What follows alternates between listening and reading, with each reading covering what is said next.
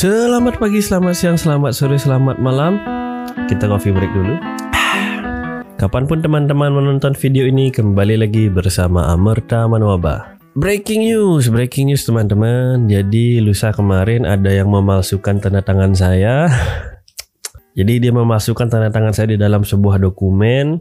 Jadi akhirnya saya laporkan ke pengacara saya, saya laporkan ke firma hukum yang memang rekanan saya. Ya karena ada kode etik uh, tidak boleh mengiklankan ya. Jadi saya hanya bisa mengucapkan terima kasih kepada Pak Herbert dan juga ada Pak Christian yang merupakan teman baik saya. Bahkan sudah seperti saudara ya, kita sama-sama sejak kecil.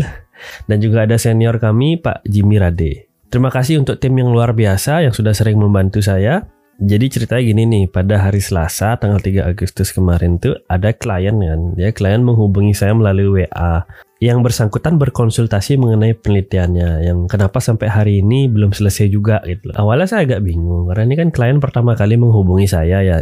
Jadi pertama kali ini kontaknya masuk di HP saya. Jadi kan setelah saya tanyakan mengenai penelitian yang bersangkutan, uh, yang bersangkutan mengirim dokumen-dokumen penelitiannya yang sudah berisi persetujuan dan berisi tanda tangan saya. Di sini saya kaget sekali teman-teman. Yang pertama, dokumen itu palsu dan bukan sama sekali template resmi dari perusahaan saya.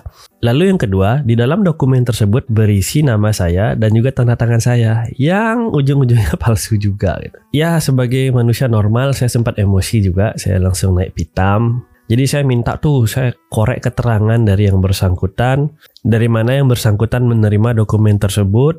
Dia menyampaikan bahwa dia menerima dokumen tersebut dari orang yang berinisial ED. Bahkan beliau sudah menyetorkan sejumlah uang ke orang yang bernama ED tersebut gitu. Saya diberikan kontak Ibu ED itu, saya langsung telepon, beliau memang cukup kooperatif ya gitu. Sepertinya dia juga cukup kaget gitu loh. Dia baru menyadari bahwa dokumen yang dikeluarkan itu palsu dan dia mengaku mendapat dokumen tersebut dari orang di atasnya yang berinisial R. Jadi di atas dia ada lagi teman-teman gitu. Yang saya sayangkan sebenarnya ibu berinisial ED ini pernah berkomunikasi dengan saya. Aduh. Jadi saya sempat menyampaikan bahwa email resmi hanya yang tertera pada website ya, website perusahaan. Dan pembayaran resmi itu hanya yang melalui rekening perusahaan bukan rekening pribadi. Jadi dia seakan-akan lupa tuh pada komunikasi kami sebelumnya dan malah mencari calo gitu loh. Dan akhirnya saya diberi kontak untuk bapak berinisial R itu dan saya langsung menghubungi nih.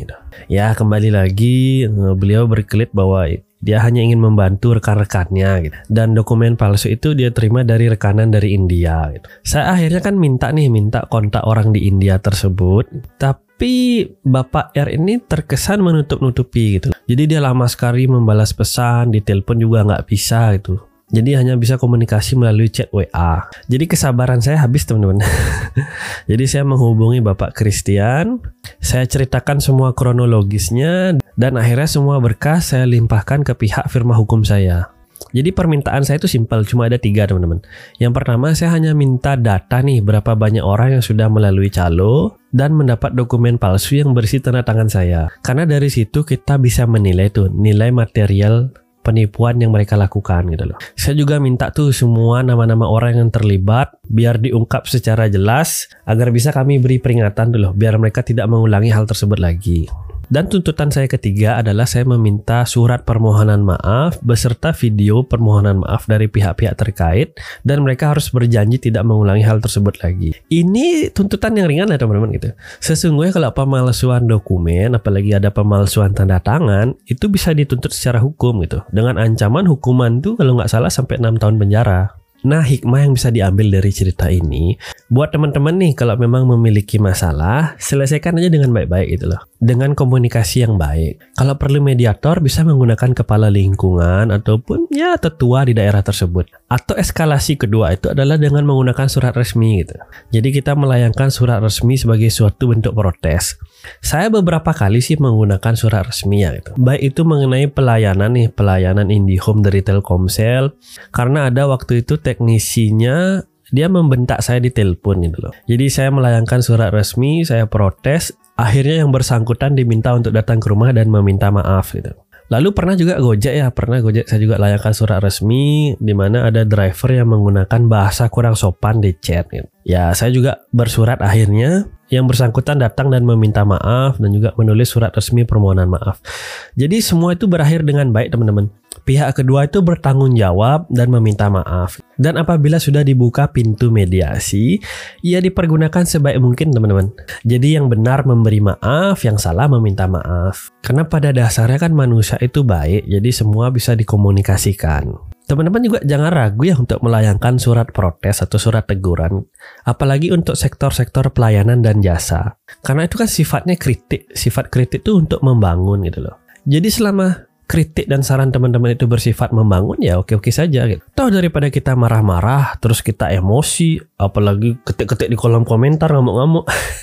Sampaikan saja dengan baik dengan menggunakan surat. Pedoman penulisan surat silakan cek di Google, jangan malas-malas. Dan surat permohonan maaf yang sering teman-teman lihat di media sosial yang menggunakan materai itu, itu sebenarnya adalah suatu bentuk mediasi teman-teman, di mana pihak yang diprotes atau pihak yang dikeluhkan itu merasa bersalah dan meminta maaf. Jadi ya sah-sah aja apabila kasusnya tidak diperpanjang gitu. Ini kasus kita anggap selesai.